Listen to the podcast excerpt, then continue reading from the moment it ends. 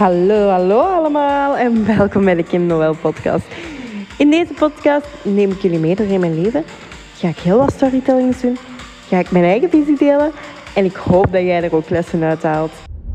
Hallo, hallo allemaal. Goedemorgen voor mij nog. Ik weet niet wanneer jullie de, de podcast gaan luisteren.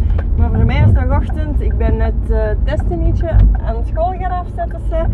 En ik dacht, ja, ik maak ineens al uh, weer een nieuwe podcast aflevering. Nu, de afgelopen dagen is er wel vrij veel gebeurd.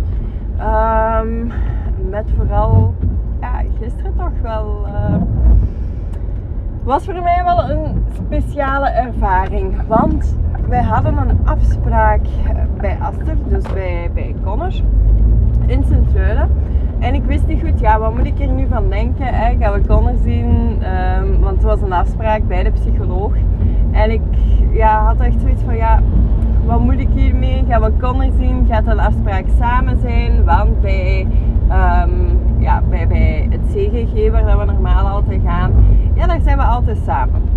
En dat ook om een volledige situatie te kunnen schetsen. Dus Connor heeft heel vaak zijn waarheid en ja, dat, dat, is ook effectief zijn waarheid. Maar dat is ook een, een groot stuk ASS om niet het volledige plaatje te kunnen zien. Zo is er bijvoorbeeld, is hij tegen een kindje aangelopen um, in een, een dingen waarin hij gefrustreerd was. Uh, wat ziet hij? Ja, hij is tegen een kindje aangelopen, die bril is op de grond gevallen. Maar bijvoorbeeld niet van, oei, zou dat kindje pijn gehad hebben of niet. Um, ja, dat is zo'n klein voorbeeldje op het CGG gaan we altijd mee om de volledige situatie te schetsen. En nu was het alleen wij als ouder. En die dame, die psychologe, wij hebben die gezien op het intakegesprek van Connor. En wij hebben die um, ja, dan gisteren gezien. En zij had eergisteren een gesprek met Connor zelf. Voor de eerste keer. Want de eerste week laat ze de jongeren altijd een beetje op hun plooi komen, zeg maar. En dat was dus ook daar. En gisteren had, eergisteren, sorry, had ze hem dan voor de eerste keer gezien. En ze was zo aan het zeggen, ah, ja, die, die, die zat er gewoon elke keer zo bonk op. Uh, ze zei, ja, ik heb dat en dat wel opgemerkt tijdens het gesprek. Ik kan me voorstellen dat dat thuis ook is en dat dat zich zo en zo en zo uit. En dat was er echt ja, volledig bonk op. Nu, um, wat hebben ze nog gemerkt wel? Dat Connor ja, in, in een, een spraakprobleem zou kunnen hebben. Een, meer zichzelf uiten in spraak. Nu, voor ons was dat iets dat gelinkt was aan die ASS, aan autisme. Dat we automatisch zo zijn beginnen linken. Maar daar zou toch onderliggend nog, nog wel wat ja, kunnen zijn. Dus dat gaan ze nu ook verder testen. En mijn logopedisten. En daar ben ik wel heel benieuwd naar natuurlijk. Wat dat daar juist gaat geven. Nu, over dat gesprek dat wij hadden met de psychologen. En ik ben daar toch wel even van mijn sokken geblazen.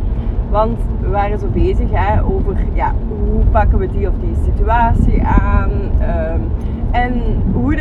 opvoeding er eigenlijk uitziet. Dus ja, Jesse ook heeft, is een beetje anders in zijn opvoeding dan ik. En dat in het opzicht van, als Jesse zijn grens aangeeft, zullen de kinderen daar niet over gaan. Omdat ze weten, bij Jesse moeten ze dat ook niet proberen. En bij mij, wat gaat dat doen? Sorry. ja, ik ben dus echt in het autorijden. Uh, ik ga even mijn dingen afzetten. In, in het autorijden ben ik echt, ja. Um, ik babbel heel veel tegen de medechauffeurs. Dus ja, bij deze, ik ben al aan het denken van, ah, zou ik hem stoppen en verwijderen? En dan denk ik, nee Kim, want dat is ook 100% wie dat jij bent. Um, en dat is ook een werkpuntje van mij om daar losser in te worden. Om dat gewoon langs mij neer te leggen. Maar bo, de psycholoog, daar even terug naartoe. ja, oh, sorry, ik vind het zo grappig. En ik heb een beetje de stappen lach, maar ik ga me er proberen uit te praten. Dat deze aflevering toch nog gewoon heel rauw gewoon kan blijven.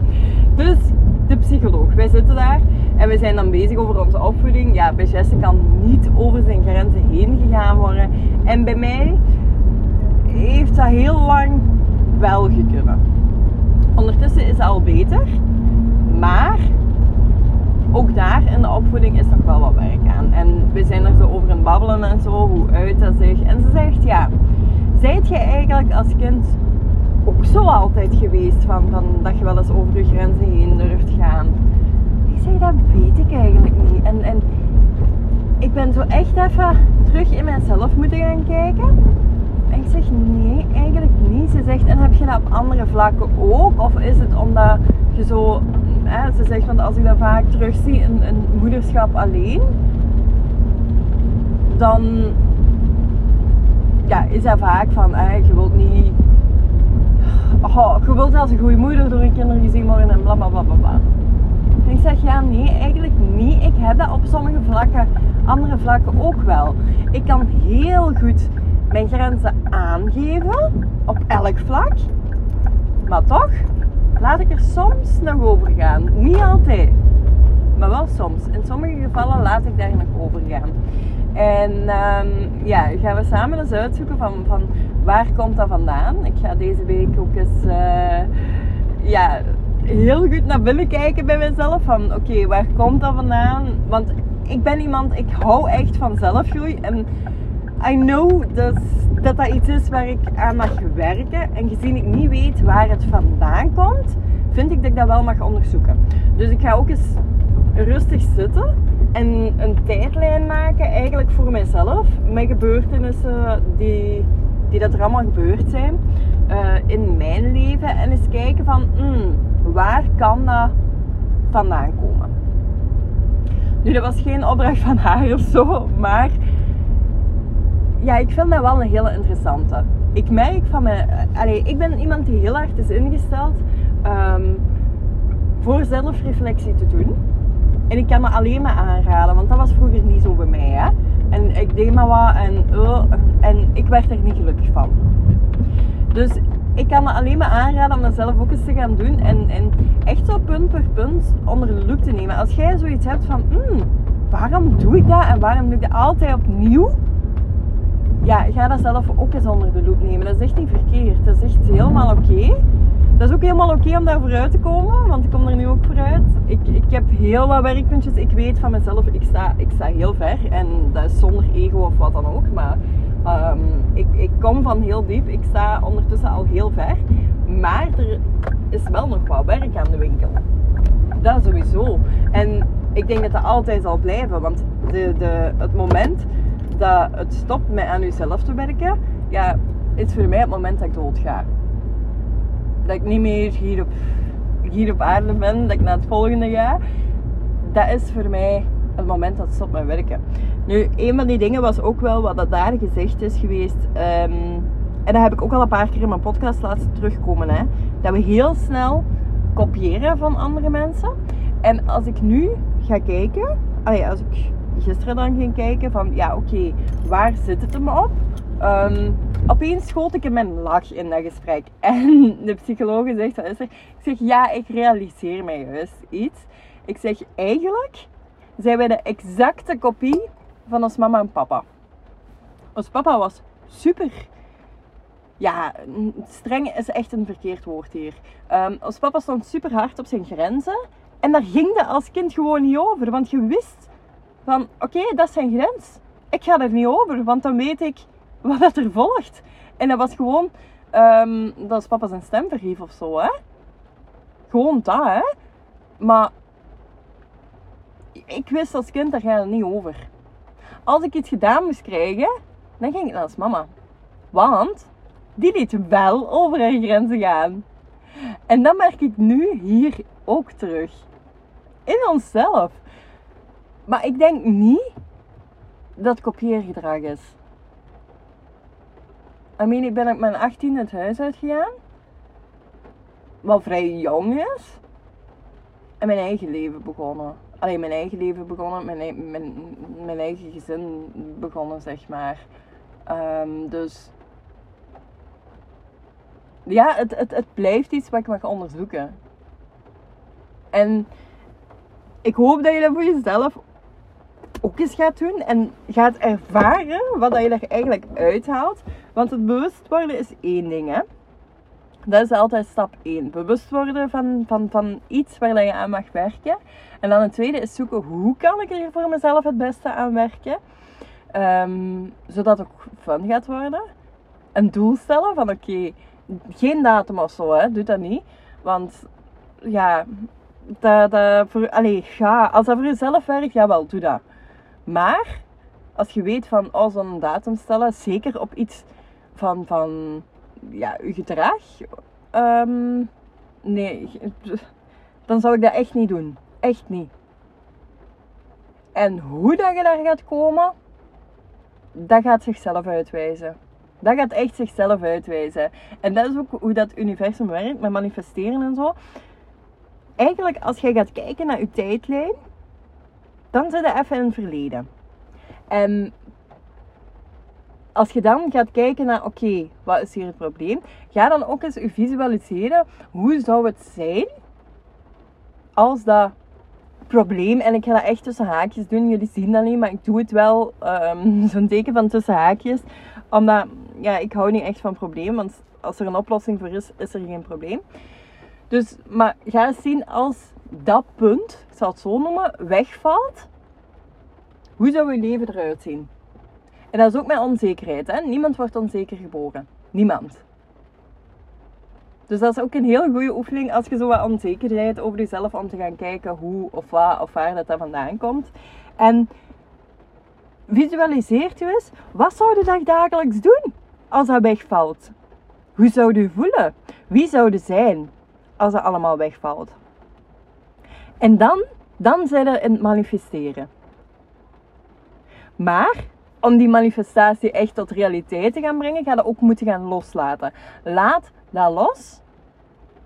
Vraag eventueel om hulp. Hè, van, ik heb hier een inzicht nodig, geef mij een inzicht. En ga kijken en opletten naar de inzichten die dat je krijgt. Dat kan een advertentie zijn op Facebook die voorbij komt, een post op Facebook, een, een, ehm, een bord of zo. Weet je, je hebt zo soms van die reclameborden, hè? een code die daarop staat of een tekst die daarop staat langs de weg. Je, staat er voor open om tekenen of tekens, ik weet eigenlijk niet wat, wat meer voor het is, tekens, denk ik, om tekens te ontvangen. En je zult zien, je zult merken dat, dat, dat je echt een weg opgestuurd wordt. Probeer nooit, maar dan ook nooit de hoe te controleren. Hoe iets tot bij u gaat komen. En dat is niet alleen op dit, hè. dat is op fina financiën, dat is op ehm, successen of tenzij je de hoe 100, maar dan ook 100% duidelijk hebt. En dan gaat het tot bij u trekken. En als je die signalen krijgt, neem dan ook geïnspireerde actie. Dus dat kan bijvoorbeeld een code zijn. Hè? Um, bijvoorbeeld, ik neem nu maar iets. Een, een, als je de stap niet neemt, dat komt nu mee op, dan blijf je stilstaan. En dan is er voor jezelf waarschijnlijk, want bij mij is dat meestal dat er al een twijfel is, van oh, zou ik dat wel doen, zou ik dat niet doen? En dan, als ik dan zoiets zie, gewoon random, dan weet ik, Kim, zet de stap gewoon. En dan zet ik de stap en dan, dan, dan draait dat sowieso goed uit. Als dat is dat dat toch niet goed uitdraait, oké, top. Je weet weer wat je niet wilt. Dus je bent weer dichter bij wat je wel wilt. Ik ga hiermee de podcast ook afronden. Ik hoop dat je hier energie hebt uitgehaald of inspiratie hebt uitgehaald of wat dan ook. En dan ga ik nu thuis mijn badje Want het is een slow morning. Ik heb iedereen weggedaan. Ik heb Jesse weggedaan. Ik heb Destiny weggedaan, want het regent super hard. En uh, dan horen we elkaar heel snel weer. Tot snel. Bye. Lieve, lieve schatten, heel erg bedankt voor het luisteren. Was er iets herkenbaar of heb je hier iets uitgehaald? Laat me dan zeker weten door even een printscreen te nemen, het te delen op jouw sociale media en mij ook te taggen. Daar help je mij echt enorm hard mee. Super erg bedankt en tot de volgende aflevering.